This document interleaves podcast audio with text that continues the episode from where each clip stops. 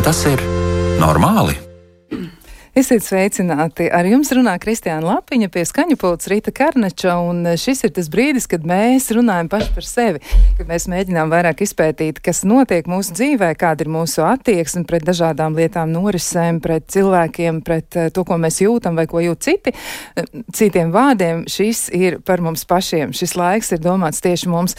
Šodien, atsaucoties arī uz aktualitātēm, mēs vairāk pētīsim tādu jēdzienu, kuru mēs bieži vien lietojam un katrs katram no mums ir droši vien savs saturs, ko mēs tajā ieliekam. Proti, mēs runāsim par brīvību un mēģināsim izpētīt brīvību no tādiem ļoti dažādiem fokusiem, izvēlēsimies dažādus skatu punktus, bet tomēr nu, centīsimies arī tā ļoti, ļoti tālu prom neaiziet no šī paša vārda un vārda izpratnes, jo mm, tiešām laikam tas ir tāds ļoti, ļoti plašs jēdziens.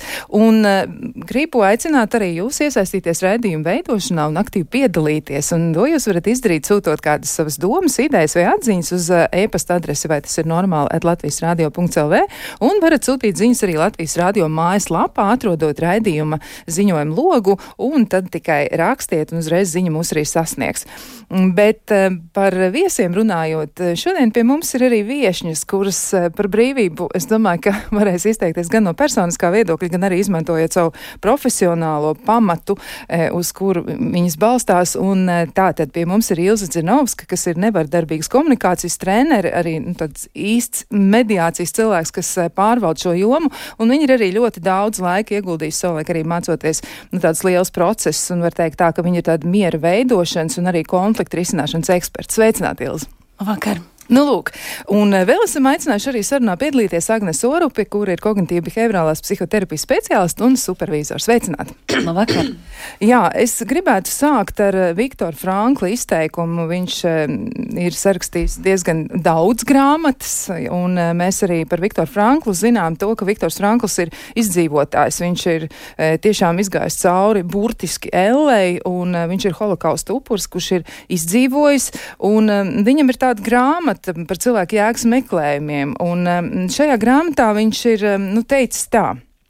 Mēs, kas dzīvojam koncentrācijas nometnēs, varam atcerēties vīrus, kurš staigāja pa būdām, mierinot citus, atdodot savu pēdējo maizes gabalu. Varbūt viņu bija maz, taču tas sniedz pietiekam pierādījumu tam, ka no cilvēka var atņemt visu, Izņemot vienu pēdējo no cilvēka brīvībām, izvēlēties savu attieksmi, jebkuros apstākļos un izvēlēties savu ceļu. Nu, tas tāds brīvs tulkojums no Viktora Frankla. E, tad, e, ko jūs domājat par šo vārdu brīvību? Jo brīvība tiek pieminēta, nu, kā tiešām absolūta nepieciešamība, kā um, kaut kas, kas tiek ierobežots, kaut kas, uz ko mēs varam balstīt savu dzīvi, vai tieši otrādi kaut kas, par ko mēs cīnāmies. Kā jūs to saprotat? Nu, varbūt es vispirms šo jautājumu uzdošu Ilzai. Ko tu par to domā? Kad es domāju par brīvību, es um, uzreiz par viņu domāju, paplašinot um, jautājumu, kā es, um, kā, es, kā es piedzīvoju brīvību un kā es viņu lietoju. Un tas izriet no tā, kā es lietoju savu gribu. Um, un cik es esmu saskaņā, un cik es apzinos savu uh, noteikšanu par savu gribu, par savu varu. Un tas man šķiet ļoti sakrīt ar uh, Franklina citātu versiju par to, ka uh, man nevar atņemt izvēli par manu ceļu un par manu attieksmi pret uh, to, kas manā priekšā ir.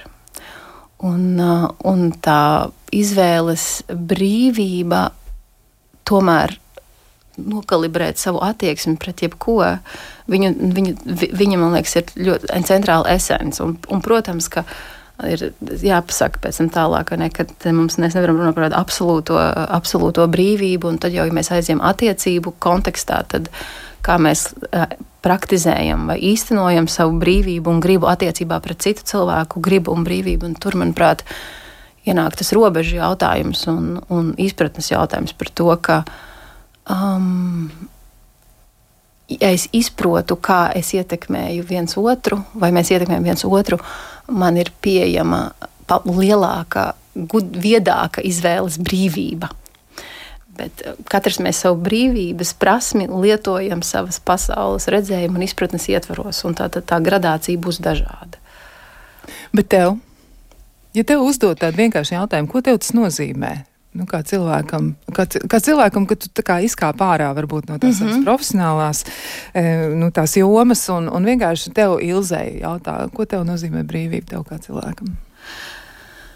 Man tāds, man tāds dziļākais, tīrākais brīvības stāvoklis un prakse, viņi saistās tiešām ar šo brīdi, kad es, es esmu ļoti, ļoti dziļi godīga ar sevi par to, ka visā, visā, kur es piedalos šajā dzīvē, lielākoties tur ir mana līdzdalība un mana izvēle. Un tad es saprotu, tad, tad es dzīvoju ārpus šī te, um, stāsta, ka man kāds kaut ko uzspiež vai liek. Uh, un es, es, es tiešām esmu autors, līdzautors savām izvēlēm.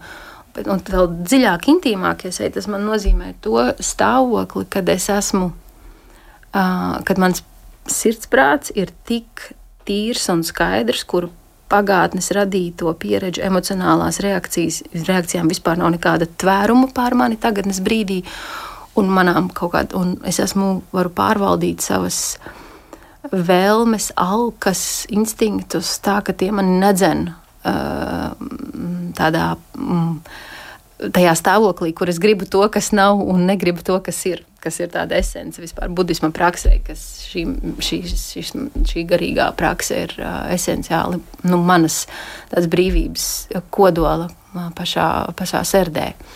Un tas ir par to, kā es lietoju, kā, kā es piedzīvoju, kā es, kā es lietoju savu sistēmu, cilvēku, un kā es piedzīvoju tagadnes brīdi. Kad mans tagadnes brīdis ir brīvs no manām pagātnes pieredzēm un manām bažām par nākotni, tas ir priekš manis laikam tāds plašākais brīvības stāvoklis. Tātad tas būs vairāk par prātu, kā pirmajā uzmetienā liekas, bet tomēr tas varētu būt arī pēc tam par to, kā tu rīkojies.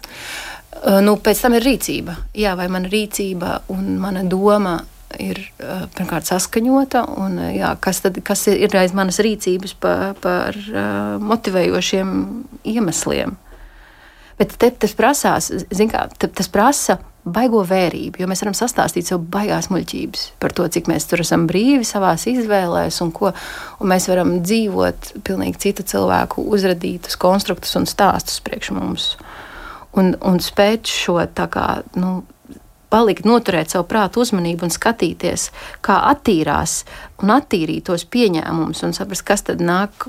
Vai kur tad vispār ir kaut kāds autentiskums, un kas nāk no manis, un vai vispār tāds stāvoklis tiešām, patiešām, patiešām ir, un kas ir vispārējais pārmantots. Um, bet vēl varbūt viens, viena lieta, ko pateikt, ir tā, ka viss man, man dzīvošana un praksa ir ļoti saistīta ar ķermeņa apzināšanu un jušanu. Tad, ir tie mirkļi, kur tu dari un saki, un tu sajūti, sajūt, vai tu gribētu darīt un teikt, un tu sajūti sajūt ķermenisku savilkumu. Un, un kad nav tas brīvais plūdums, kad, kad tajā mirklī, kad es nedaru to, ko es gribu, vai kad es saku to, ko es negribētu teikt, es īstenībā neesmu brīva. Un to es ļoti sajūtu savā ķermeņa savil, savilkumos un, un pretestībās.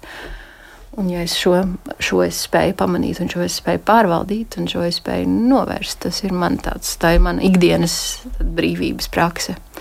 Bet noteikti es redzu brīžus, kur es esmu sprostā no savām emocionālām reakcijām, no savām, saviem stāstiem, iemantotiem no pasaules, no cilvēkiem. Un, man nav tik liela.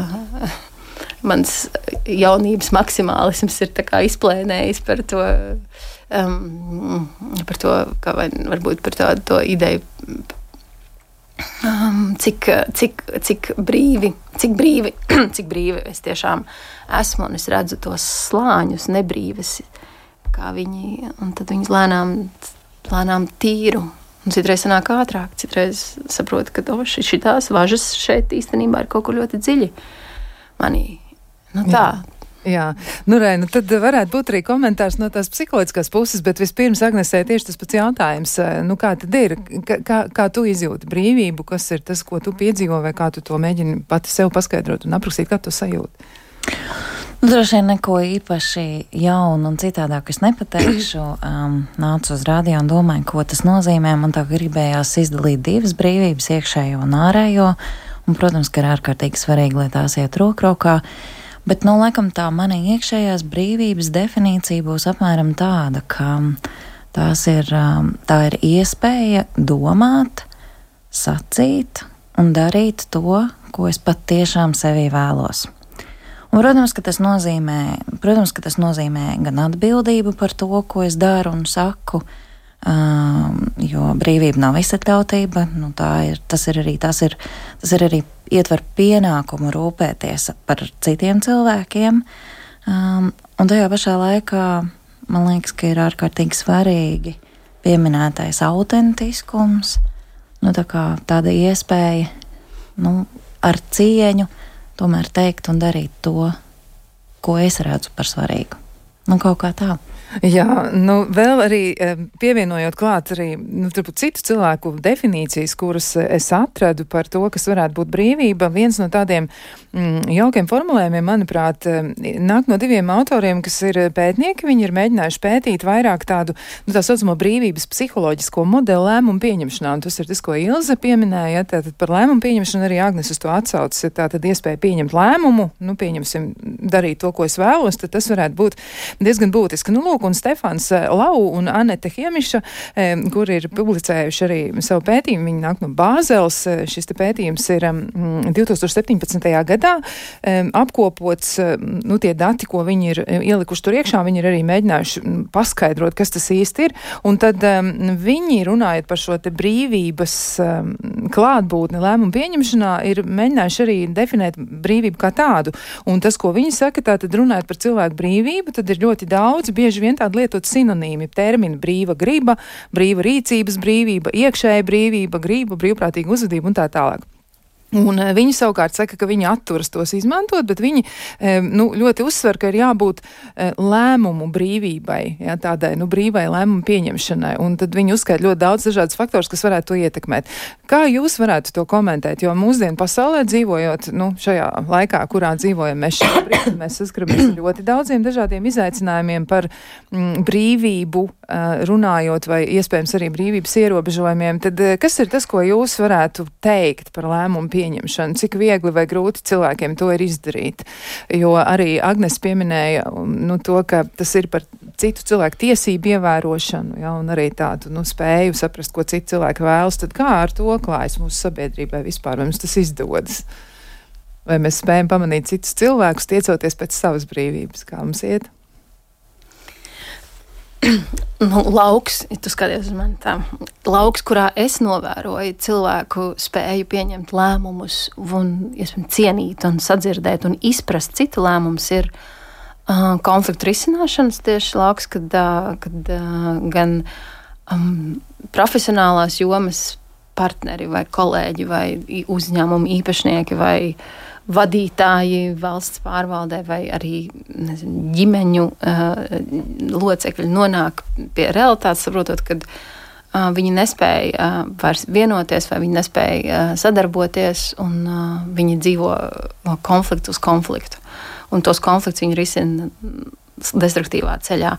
Un tad um, tas, ko es um, tajos brīžos, un arī procesos, kuras vadu dažādas mācības par šo tādu nu, preventīvu, uh, destruktīvu un vardarbīgu konfliktu attīstību.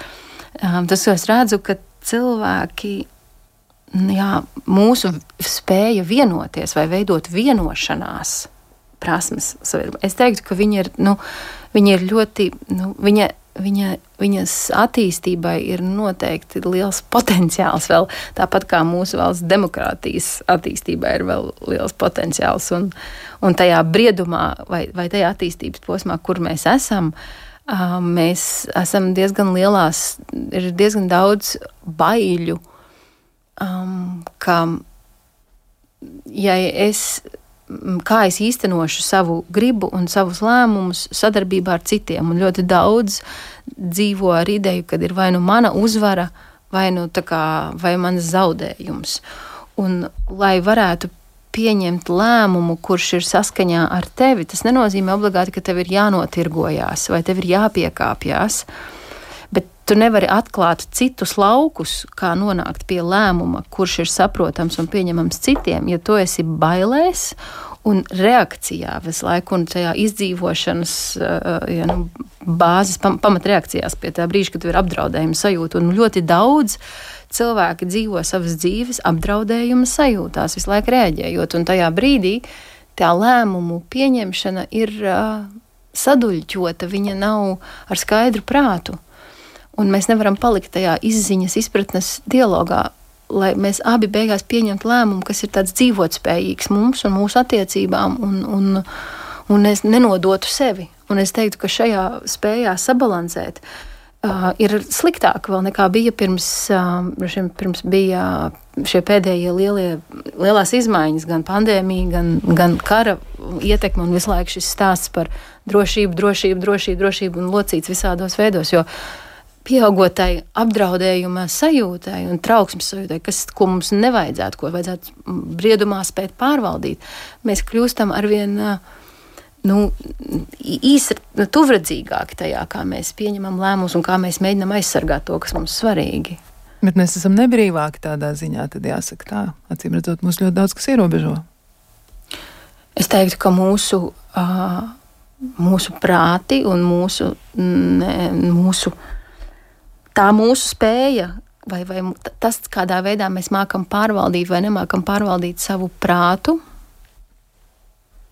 noteikti cilvēkus viņiem iedod vai nu daudz lielākas izvēles iespējas un lielāku spēku un autentiskumu, vai arī viņi ir slazdā un, un visu laiku jāaizsargājās.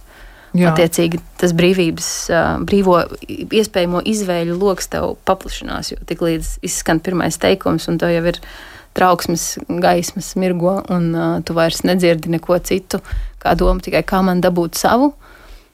Tad um, tur ir sarežģīti. Nevar teikt, tā, man liekas, tā ir diezgan šaura vieta.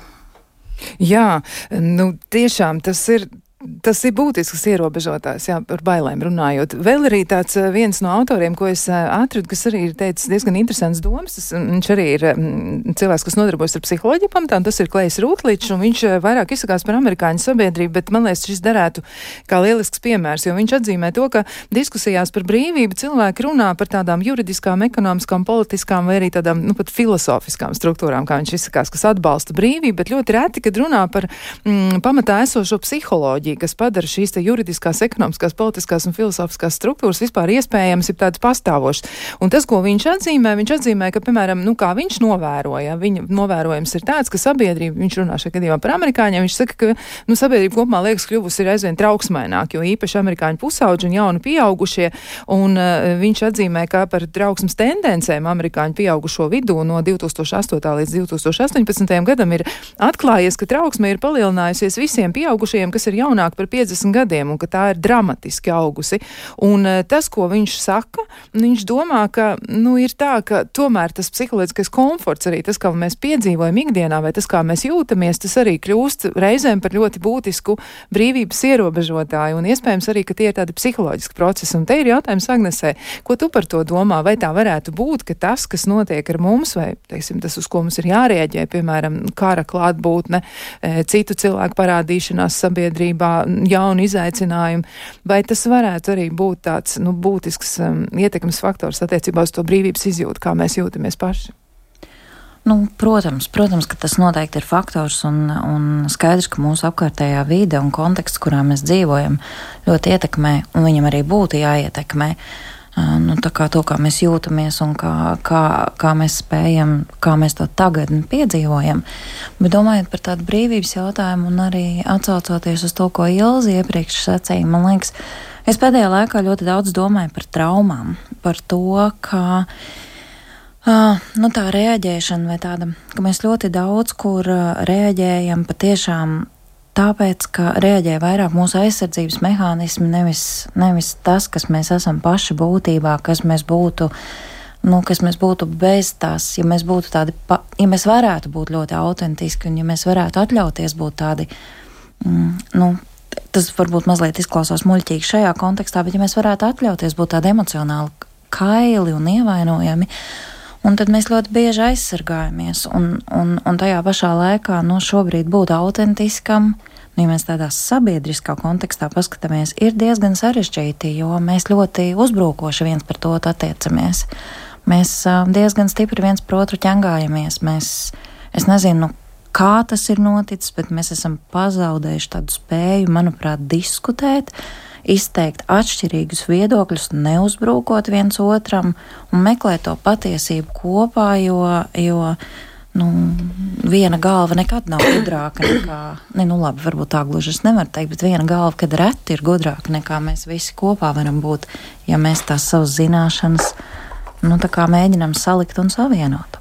Jā, bet eh, te vēl ir viena piezīme, un tā savā ziņā saskana ar to, ko tu saki. Tātad eh, arī šis pats eh, autors Klejs Rutličs, viņš saka tā, ka daudzi, nu tādi pedagogi, jeb, jeb cilvēki, kas vada mācību procesus, zinātnieki, dažādi um, ietekmētāji, politiķi un pat žurnālisti un arī tādi, nu, vienkārši izklaidētāji, viņš saka, ka viņi grauj šo psiholoģisko brīvību, un viņa piemērs ir tāds, ka, nu, tiek veicināta šī te aizsardzības domāšana, kurā cilvēki, jo īpaši jaunieši, jaunieši tiek mudināti būt tādiem bailīgiem, ciniskiem, neusticīgiem, pesimistiskiem, un arī viņi ir tādi pasīvi un atkarīgi. Vai jūs šādu tendenciju vērojat, un ja jā, tad eh, kā jūs varētu to komentēt, vai tiešām tā notiek?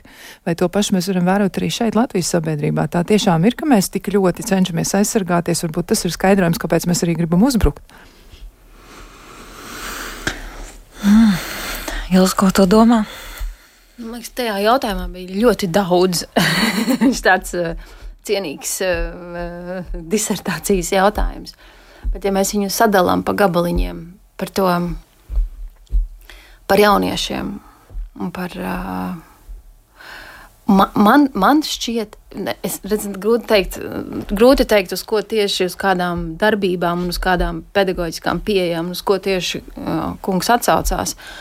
Bet, ja, ja skatās uz tādu nu, jauniešu, kas ir skolas vecuma vai um, skolas vecuma, un kādas tās uh, bieži vien um, komunikācijas kvalitāte, vai kā viņiem tiek mācīta pasaule un lietu kārtība. Man liekas, brīžiem nu, šajās jaunākās paudzēs tur tiek radīts. Kaut cits nu, dīvains modelis, ka tā pasaule ļoti griežās ap viņu gribu.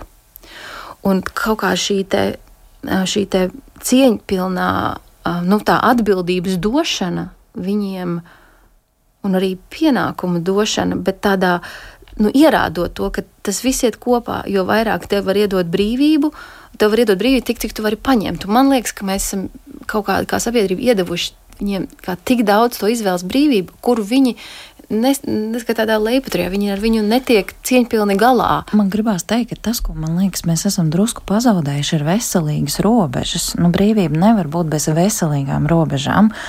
Un, uh, un nu, ne, nu, tā cieņa, viņai ir jābūt uz abām pusēm. Nu, ja, piemēram, ja teiksim, nu, paskatoties uz klientiem, varbūt arī uz sevi, tur, kur tā paudze ir vecāka, tur man liekas ļoti bieži iztrūks tāda cieņa pret sevi un savām vēlmēm. Tur ir ļoti daudz tādu apspiestas gribas, tādas ļoti lielas uh, locīšanās un padevības pret citiem.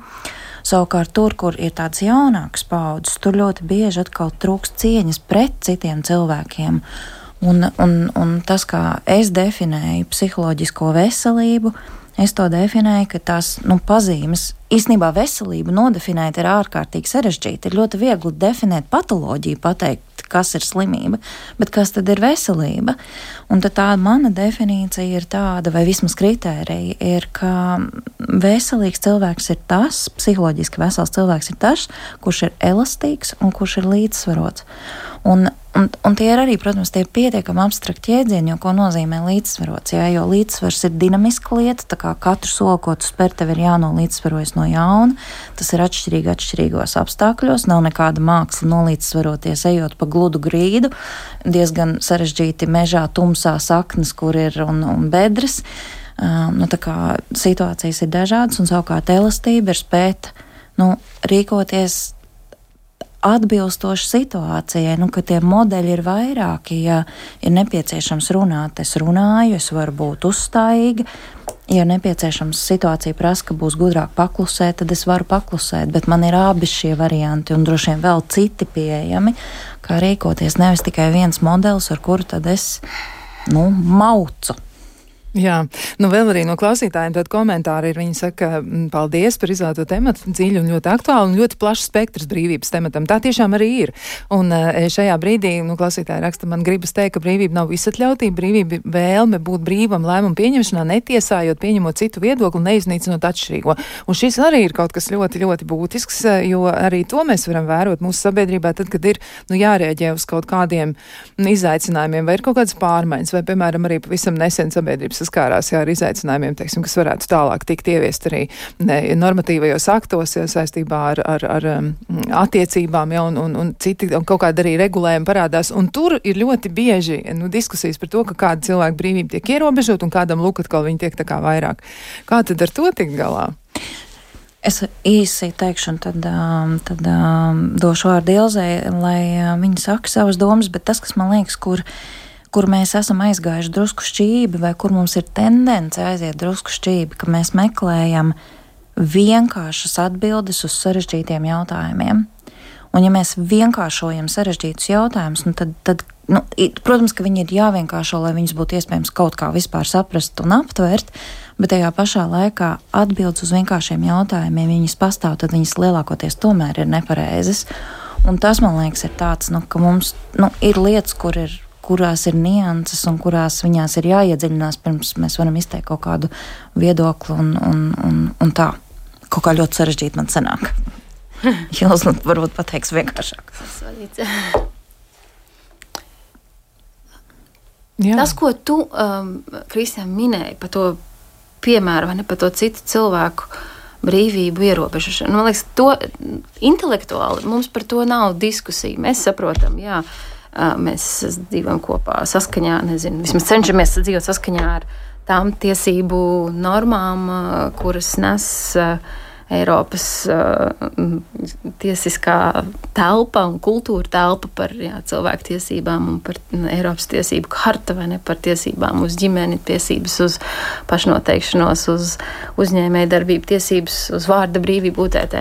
Bet man liekas, tā, tas līmenis, par ko man liekas, ir svarīgi runāt, pateikt par šo te nevis tikai par izvēles brīvību, bet apzināta izvēles brīvību. Jo cilvēki izvēli izdara visu laiku. Jautājums, vai viņi izdara apzināti vai viņi izdara neapzināti. Un tad ir nākamais līmenis tam klāt, liekas, un kā cilvēki lieto savu um, varu un savu izvēli tad, ja viņiem, ja viņiem ir kā, uzticēta vai viņi, viņi ir paņēmuši sev lielāku varu. Un, un, tajā, un par to es esmu aizdomājusies pēdējā laikā, skatoties dažādas nu, politisko līderu vai viedokļu līderu uh, publiskas runas un uzstāšanās par to, īstenībā šajā līmenī mans, mans uzstādījums pieņēmums būtu, ka ir jābūt tādai, būtu jābūt tai līderībai, tādai, kas rada telpu cilvēkiem izsvērti, uh, nu, izsvērti pieņemt lēmumus, pāraugt savas nedrošības un tiešām pacelties, nevis gremdēties zemāk tādās savās izdzīvošanas uh, dziņās, kur tev ieslēdzās, ko populisms tev ieslēdz kaut kādu nedrošības apstākļos, pieķeroties kaut kādam vienam identitātes aspektam, kas ir ļoti laba stratēģija. Ja tu gribi nedrošos, nedrošos apstākļos cilvēkus mobilizēt, tad ap identitāti brīnišķīgi to var izdarīt. Un tā es runāju nelielu ironiju. Un kad šī politiskā uh, vara un cilvēki, kuriem ir tā nu, piekļuve tam publiskajam resursam, grozīt vai ietekmēt citu cilvēku izvēles, viņi tik uh, sautīgi izmanto to brīvību, kas viņiem ir nu, uzticēta savā ziņā, ietekmēt citas. Un, un, um, un, un es domāju, ka um, mēs esam savā ziņā diezgan mazi tajā savā spējā, kā nācija vēl pacelt to brīvību, uz ko mēs pretendējam. Līdz ar to par, domājot par to brīvību, kur iet kopā roku rokā ar to, ka mēs dalāmies viens ar otru, ka mēs domājam par kopīgu lielāku labumu. Mēs esam vēl diezgan varbūt ar pagātnes mantotu trūkumu. Un iekšēji trūkumu, visvisādi emocionālo vajadzību, piepildījumu trūkumu, finan, materiālo un tā tālāk. Un tas pagātnes trūkums mūs dzen, tas, to, to ego dzen uz priekšu, dabūt vēl, vēl sargāt sevi un, un, un, um, un, un tā, tā brīvība ir tāda baiļu ēnā. Jā, man liekas, ka mums vēl šis un tas būs piebilstams par to, jā, un tiešām man šķiet, ka tas ir arī tas, ko tu pati pieminēji iepriekš jau par savām tām pagātnes pieredzēm, ka tās ietekmēt var tevi šobrīd, šodien, un, un tā brīvības izjūta var būtiski mainīties. Jā, mēs tuliņ arī turpināsim sarunu, bet darīsim to pēc īsa brīža.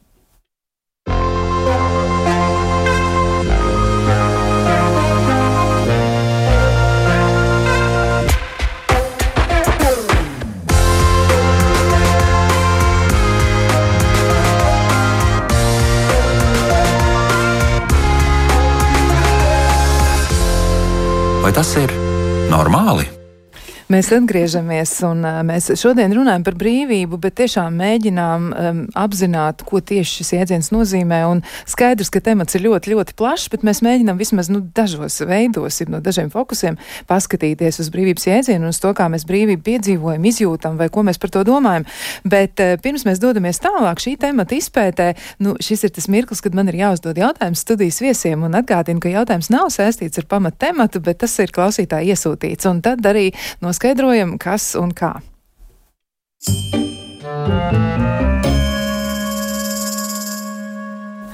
Nu, lūk, e, jautājumi ir jau sagatavoti, bet man tad jāļauj jums izvēlēties. Nu, šoreiz, par cik jūs esat divas viešņas studijā, tad vai nu viens vai divi, tad vai nu vai nu kā trāpīsies tā būs. Nu, kur tad pirmā varbūt Agnes, lai sāk? Aiziet! Aiziet. Laižam! Lēžam, kurš, kurš cipars būs viens vai divi? Divi. divi. E, cipars divi ir tāds, ka viens no klausītājiem raksta, un šajā gadījumā tas ir jauns vīrietis. Viņš saka, ka viņš e, savai partnerei saka, ka viņš viņu mīl, bet viņa nekad neatbild ar, ar šiem vārdiem pretī. Viņa saka, tā, nu, es arī, vai nu tā, viņa tā izvairās ļoti no atbildes. Un viņš jautā, vai tas ir normāli, nu, kā mēs arī aicinām klausītājus uzdot šos jautājumus, vai tas ir normāli, jā, notiek tas un tas. Tad kāda būs tava atbilde? Jā, tas ir, protams, normāli, lai gan, protams, ka vajadzētu, es ļoti lūgtu partneri, ja klausās, lai tomēr atbild ar to es tevi mīlu, bet kāpēc tas ir normāli? Tāpēc, ka mēs runājam dažādās mīlestības valodās. Un, un vienam cilvēkam mīlestības valoda ir vārdi, citam cilvēkam tie ir darbiņi. Un turklāt mēs runājam un saņemam mīlestību dažādās valodās. Tas, kā es paužu mīlestību, var nemaz nesakrist ar to, kā es saņemu. Piemēram, ja cilvēkam ļoti svarīgi ir pieskārieni Bet jā, nu, mēģiniet saprast, kas ir jūsu mīlestības valoda, kas ir jūsu partneru mīlestības valoda, un dodiet to. Ir labi vienmēr būt mīlētiem un justies mīlētiem. Jā, paldies par atbildi. Un tad uzreiz arī otrais jautājums, un tad Ilzē iekrīt ļoti arī tāds it kā, nu tāds vienkārši sadzīvisks jautājums, bet, nu, šai gadījumā tas ir pusaudzis, kas mums jautā par to, kā rīkoties, ja vecāki nekad neklauvē. Viņi vienkārši atver durvis un nāk iekšā. Un, nu, absolūti, kā, kā mēs varam saprast, nerespektē privāto telpu, kā rīkoties šādā situācijā? Kā tad, nu, droši vien tas būs par robežām. Jā, jo ta, tas ir. Um, es teiktu, tieši mm, acu priekšā redzu, kā es piemēram pieklāvēju, uh, pieklāvēju un, uh, un tad uh, eju. Jo man liekas, ka tas ir gan pabr pabrīdinājums, un, tā, un tad tu pārliecinies, vai tur ir arī uzmanības telpa. Protams, jautājums ir tajā brīdī, ja tur uh, tev visu laiku kāds uh, saka, kā, lieciet mani mierā, es vispār nevēlos neko, kas ir kaut kāda fāze vai ne šajā uh, pusauģa vecumā, kas var ienākt. Bet es teiktu, um, tās ir ģimenes vienošanās. Un, uh, Iespējams, ka tā ir ģimene, kurā pusaudzim, kurš šo ir pacēlis kā aktuālu savu tēmu, ir uh, Viņam ir, um, iz, viņam ir gana daudz drosmes, tas nevar, pat nevajadzētu būt drosmes jautājumam, bet pateikt šo un runāt par to par savu, ar savu māmu un tēti. Klau, es gribētu, es gribētu, lai jūs um, respektējat manu privāto telpu, un viens veids būtu tas, ka jūs man pieklāvējat vai, vai pārunāt, kādā veidā to darīt, un aicināt par to runāt. Tās ir tās ģimenes vienošanās, un tas būtu ļoti normāli, ka mēs runājam un stāstam, ko man ir svarīgi dzirdēt, ka tu man. Uh, pasaki, ka tu mani mīli, man tas, man tie vārdi nozīmīgi, vai tu varētu. Un, un, ja, un, un, un teikt, ka lūgt, vai tu vari lūdzu pieklāvēt man pie durvīm, kad nākamā reize nāc, un, un uzreiz nenākt ar savu jautājumu, un, un to teikt pusdienas, vai, vai kaut kādā veidā uh, respektēt telpu, laiku. Un tos resursus, ko mēs dalām. Tāpēc saku, es teiktu, ka noteikti ir, um, ir, ir, ir jārunā e, un, um, un sākt ar savu vajadzību. Un, un, un šis ir vecuma posms, kurā mēs mēs mācāmies arī nu, iestāties par to savu autonomiju, par savu privāto telpu. Jā, paldies. Tas tiešām ir eh, ļoti vērtīgi un droši vien arī vēlākajā dzīvē tas varētu mm, ļoti, ļoti noderēt. Bet um, vēl tad atgriežoties pie mūsu temata par brīvību, viens no jautājumiem arī ir tāds, kas ierobežo cilvēku brīvību būt brīviem. Nu, ja, piemēram, mēs runājam par aizspriedumiem, sabiedrības attieksmi, ģimeni, kolēģi, darba vide, kā tas tur notiek? Vai tur arī ir brīvības ierobežotāji? Agnese, ko teiksi? Es vēl esmu pie iepriekšējā jautājuma, pie pusauģa. Es drusku vēl domāju par pusauģu brīvību un, un tiesībām par to, ka nu, īstenībā viena, viena ļoti svarīga brīvība ir tiesības teikt nē. Un, um, un, un, un kā ļoti negribās, lai šis tiek aizlausts, it īpaši bērnos, jo kas man šķiet svarīgi, tas ir tas pats nē, kurš būs vajadzīgs, kad būs kāds piedāvās narkotikas vai, vai ka piedāvās iesaistīties kaut kādos netik foršās lietās, jo, ja tas nebūs aiz, aizlausts mājās, tad viņu būs ļoti grūti noturēt arī sabiedrībā. Tāpēc, mm, tāpēc jā, tomēr būtu jauki pie tām durvīm pieklāvēt un drusku un cienīt nu, to, ka otrs cilvēks var arī negribēt kādā brīdī būt kontaktā.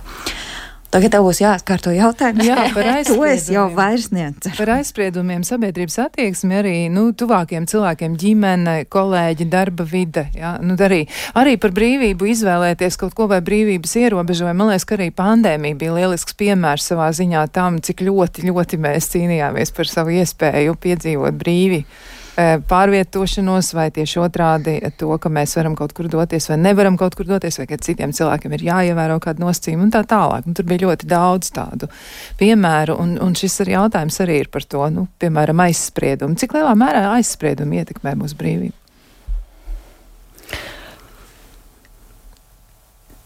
Aizspriedumi viņi var būt, tev var būt pilni uztverē ar aizspriedumiem, kurus tu neapzinies. Un tad var būt tāds, nu, man liekas, ka tur ir gradācija, tur noteikti ir gradācijas atkal. Uh, jo aizspriedumu un stereotipu savā ziņā tev arī smadzenēm atvieglo uh, operēt uh, spēju šajā sociumā. Un jautājums ir, cik viņi ir, cik ļoti tu viņu varā esi, vai vispār tu to apzinājies. Un tad vai tur ienāk tavs individuālais pieredzes stāsts. Jo jā, es varu zināt, ir tendence, re, kur ir, ir vispārinājumi kaut kādi lielumi, bet tajā brīdī, ja es šos vispārinātos lielumus sāku uzspiest Un, piemēram, otram cilvēkam, ja es viņus, ja es vairs neredzu miedarbībā ar otru, to otru individu, bet viņu redzu caur to aizspriedumu filtru un stereotipu, tad mēs ierobežojam, nu, mēs ierobežojam īstenībā tā otra cilvēka brīvību. Ļoti būt viņam, kas, kas viņš ir, tad, nu, vismaz ar to savu stāstu, ko mēs mēģinām uzspiest. Un cerams, tur ir veselīgs indivīds pretī, kurš uh, neļaujās būt definēts no tā, ko citi cilvēki par viņu stāsta vai kā viņu tiesā. Bet tā bieži vien nav. Un tas tavs jautājums sākotnēji par to, uh, ka citi cilvēki uh, mūsu brīvību, vai mēs ļaujamies citu cilvēku. Um, varbūt, eh, domāšanas eh, ieradumiem, vai, vai stāstiem, vai uzskatiem, vai viedokļiem mūs ierobežot. Nu, noteikti tas, tas atkal ir stāsts par mūsu iekšējo nu, sevis zināšanu, par savu esības kodolu, cik ļoti es esmu piederīga pati sev, un cik es esmu ciešā saiknē ar tām savām vērtībām, dzīves, kā es viņas nesu, vai es ļaujos, ka citi man nodefinē manu ceļu. Un uh, to to mēs bieži vien varam attiekties tikai kādā citā brīdī, ka mēs darām kaut ko, ko mēs nemaz neesam gribējuši, vai ka mēs nezinu, mācāmies vai, vai dzīvojam pēc kaut kādas lietu kārtības, kas jūt, liek visu laiku mums justies diskomfortā. Un tas nav tāds uz burvju mājienu atpazīstams stāvoklis. Un tas noteikti arī saistās ar to, ko Agnēs teica par to, cik mēs esam prasmīgi, cik mums ir ļāvusi dzīve vai palīdzējusi dzīve iepriekš izkopt tos mūsu jā un nē un kā mēs viņus mākam ar viņiem balansēt. Jo, protams, tas, tas nav stāsts par to, ka es eju pasaulē, visu laiku saku nē, vai visu laiku saku jā, ka, bet ka mēs viņus jā, nu, pārvaldam un mākam inteliģenti lietot. Nu, tā ir tā, tas atgriežoties, ir tas, ko es teicu par to elastību, ka man ir gan jā, gan man ir nē, un es varu lietot kā vienu, tā otru, nevis es visu laiku saku jā. Tāpēc, ka man ir bail pateikt nē, vai es saku nē, tāpēc, ka es esmu dusmīga uz visiem un nekad nesaku jā. Bet vēl pā, atgriežoties par aizspriedumiem, ko Kristiāna jautāja, es domāju, ka ļoti daudz kur arī tas ir saistīts tomēr ar izglītību. Un, nu, jo tu vairāk zini, jo ir grūtāk kļūt aizspriedumainam.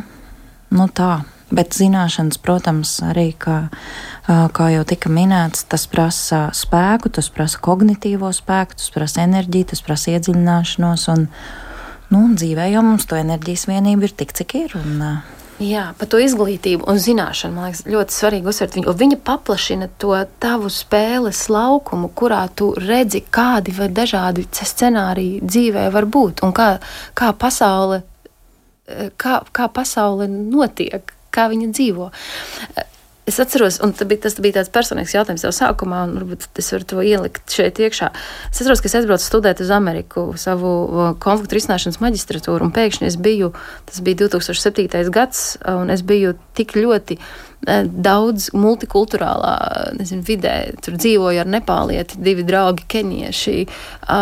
Un tas lauks, kas bija starptautiskā miera studijas un konfliktu risināšana, bija tāds, ka es jutos, ka es turu pasaules notikumus savās plaukstās. Un man ir, bija tieši tikpat liela empātiska saikne gan to, kas notiek uh, Šrilankā, vai kas notiek Sirleonā, vai kas notiek uh, Gvatemalā, kā kas notiek Latvijā. Un tev tā, tā tev, tev, tu izplaties, tu izplaties tajā gan savā, un arī tajā spējā būt intīmam un Un, un, un tava brīv, brīvība, nu, iz, izvēļu brīvība un domas brīvība, uf, viņa milzīgi izplatās.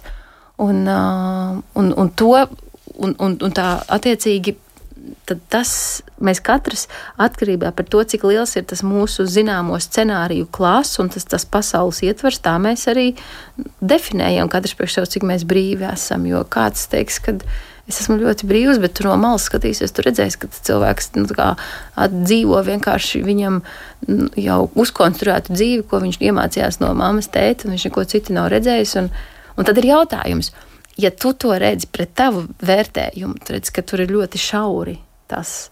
Bet ja tājām, tam cilvēkam tajā šaurībā ir ļoti brīvi, kas tas ir?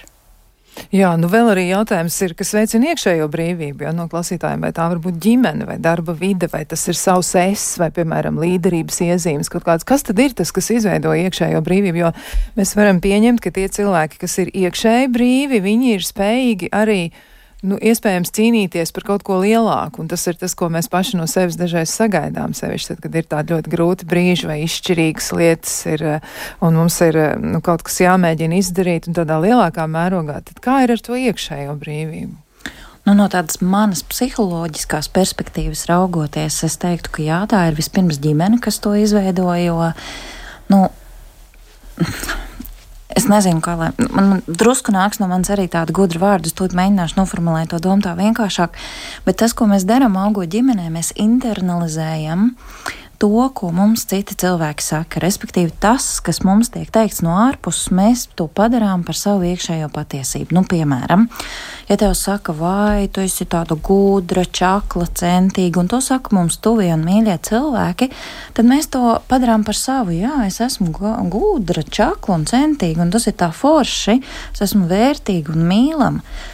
Un, ja ģimenē vienmēr saka, jā, nu, tev jau mums tāda grūta galva, jā, nu, tu jau vienmēr, nu, tagad tāds zilonis trauku veikalā, tad tas, ko es no tā paņemu, ir, ka, nu, es esmu neveikla, ka man nepadodās un ka man nesenāk, un veidojās tā saucamās iekšējās kritiskās balsis. Un tā, nu, mēs ar tām balsīm, kas mūs ir satraumējuši, tā mēs staigājam.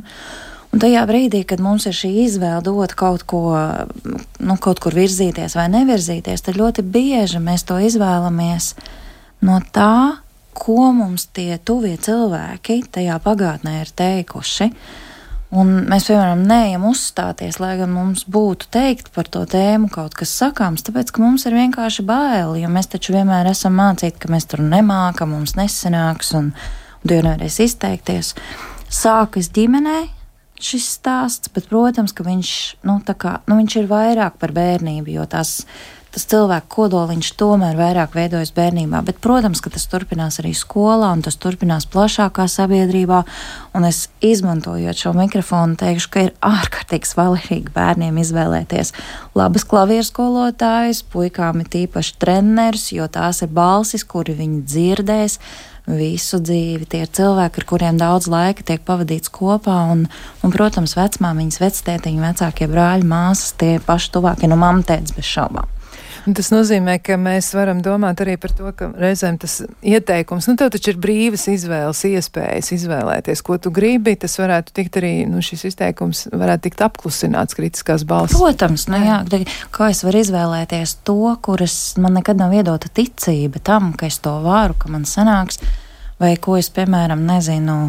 Nu, nu, labi, šis ir drusku tāds kariķēts piemērs, bet, nu, piemēram, meitnīte aug un spēlējās ar buldozeriem, un viņai ļoti patīk smagās mašīnas. Viņa droši vien ļoti daudz dzirdēs teikumu, ka viņa ir nesievišķīga un, un vēl kaut kāda vai, nu tā. Jā, par brīvības ierobežotājiem autori dažādi, kurus es te mēģināju arī palasīt, papētīt, ko viņi raksta, nu tad ļoti daudz un dažādi cilvēki, bet kopumā um, zinātniekiem un sevišķi psihologiem viņiem ir tāds, nu viens secinājums, ka būtiskākais brīvības ienaidnieks ir bailes, jo, kad cilvēki ir noraizējušies vai baidās, viņi kļūst vairāk orientēti uz aizsardzību un ir mazāk orientēti uz izaugsmi. Tas nozīmē, ka viņi kļūst daudz modrāki, tādi, ja viņi vairāk vēro iespējamos bojājumus, ja ir tāds noderīgs darījums. Tie var būt fiziski, sociāli, psiholoģiski, ekonomiski, un tādējādi ir mazāk motivēti uzņemties tādus riskus, kas noved pie jauniem atklājumiem un arī nu, pie tā, ka dzīves kvalitāte varētu uzlaboties. Un pētījumi atklāja, ka jo uztrauktāks cilvēki ir, jo mazāk iespēja, ka viņi aktīvi iesaistīsies paši savā dzīvē. Tas nozīmē, ka brīvības ierobežotājs ir bailes. Kāds būs jūsu komentārs par šo? Man liekas, ka tas sasaucās tieši arī mm, sākumā, ko mēs, par ko mēs runājām. Ka tā ir šī sava, nu, tā ir, sava, tā ir tā mūsu emocionālā. Emocionālā inteligence un arī varas inteligence. Es, ko tas nozīmē? Ka es spēju um, pārvaldīt ka es, manī ir šis mentālais resurs, man ir šī apziņotība, kuras spēju novērot un izturēt savu diskomfortu. Es spēju izturēt savas bailes, sevi spēju izturēt sērs, spēju izturēt dusmas, spēju izturēt šo diskomfortu, un tas pāriet. Jo laipna, labvēlīga, mīloša, empātiska klātbūtne, attieksme pašam pret sevi ir tas, kas šķīdina šīs bailes šīs, šīs duša diskomfortu, un tad tev pavarās tā atkal tā drosmes stelpa. Jo ļoti daudz, jā, nu, gan mūsu vecāki, gan viņu vecāki, tās paudzes, un vienmēr ir bijušas kaut kādas traumatiskas pieredzes, ir, ir mums katram tās kārtas iedalīts, kāds ir, bet tad ir brīdis, kur mums ir tā izvēle, nu, impulss ienāk, ka mēs varam pāraugt sevi, nu, mēs varam sevi mēs turpinām tapt par cilvēku visu dzīvi. Kurš ir teicis, ka tas beidzās pie 18, 25 vai 40? Ka tu, tu vari uh, attīstīt sevī šo spēju um, šķīdināt bailes, šķīdināt šos stāstus, kuri atņem tev spēku, ar kuri kur tās, tās kritiķu balsis tu vari uh, ar laiku transformēt un to savu spēka balsi stiprināt. Tā kā viennozīmīgi ta, ta, tas ir tas novērojams, bet tas ir maināms lielums. Un tas ir tā, tā, tā drosme jau ne, neveidojās tādos komfortablos, pūkainos apstākļos kaut kādā dzīves brīdī. Viņa tiek, nu, viņu. Viņa radās kaut kādos diskomforta apstākļos, līdz brīdim, kamēr tu neesi iegājis pilnīgā panikas lēkmē. Ja? Tad, tad spēt, ja tu kā pieaugušais vai tie pieaugušie, kas tev ir apkārt, ka viņi tev var radīt panesamu diskomfortu, kurā tu vari mācīties un pāraugt sevi. Bet vēl aizvien tur ir labvēlība un mīloša klātbūtne. Ja to tu nedabūji no vecākiem, tad tā būs tā izaugsme, ko es, kad es varu sev iedot šo labvēlību un mīlestību arī tad, kad es esmu bailējis un kaut kādā mazumā. Tā man šķiet ir tā indivīda nu, tapšanas uzdevums šajā dzīves ceļā kopumā. Jā, nu un tad uh, Agnesei būs tas gods uh, savā ziņā virzīties sarunas beigām un noslēgt šo diskusiju. Ja mūsu saruna diskusija varbūt tā bija mazāk, vairāk tā bija saruna, ja mēģinājums paskatīties uz brīvību kā uz mūsu dzīves sastāvdaļu. Jā, es varbūt tā pavisam vienkārši. Jā, es pilnīgi piekrītu par to, ka mūsu brīvība ierobežo bailes, bet man liekas, ir vēl viena ļoti svarīga emocija, tas ir kauns. kas ir liels brīvības ierobežotājs, jo mums ir nu, tā, ja mēs tā ļoti, ļoti visu novienkāršojam, tad cilvēkam patiesībā ir divas pamata vajadzības. Tā ir vajadzība būt pieņemtam un vajadzība pēc autonomijas. Un tās ir kā divas kājas, ar kurām mums jāspēj pārmaiņas vienlaikus līdzsvarot staigāt, jo mums ir vajadzīga tā drošā osta, kurā atgriezties, kurā mēs jūtamies mīlēti, svarīgi, kurā mūs slavē, kurā mūs atzīst, kurā mēs esam vajadzīgi. Un vienlaikus mums ir vajadzīga arī tā otra kāja, kur mēs ejam pasaulē un sakām, es šito izdarīju, es, es ar šo lepojos. Un tam ir jābūt ļoti autentiskam, jo autonomijai ir jābūt arī autentiskai. Un tad, nu, tad mums ir vajadzīgi abi. Un, un man liekas, tāds, nu, atkal es atgriežos pie tās psiholoģiskās veselības, par līdzsvaru un elastību. Mums vajag abas kājas, mums vajag gan mūsu pašus, gan mums vajag arī mīlošus citus. Paldies tev! Tiešām brīnišķīgi vārdi. Man liekas, ļoti labs kopsavilkums par to, kas mums būtu pašiem nepieciešams. Jā, paldies gan Ilzē Dzenovskai, gan Agnesē Orupē, un arī paldies klausītājiem, ka bijāt kopā ar mums. Mēs mēģinājām palūkoties uz mums tik ļoti svarīgo brīvību, un mēs ceram, ka katram no jums izdosies sevi attīstīt gan iekšēji brīvības izjūt, gan arī likt to lietā, darot kaut ko ļoti, ļoti vajadzīgu gan pašiem sev, gan arī citiem cilvēkiem.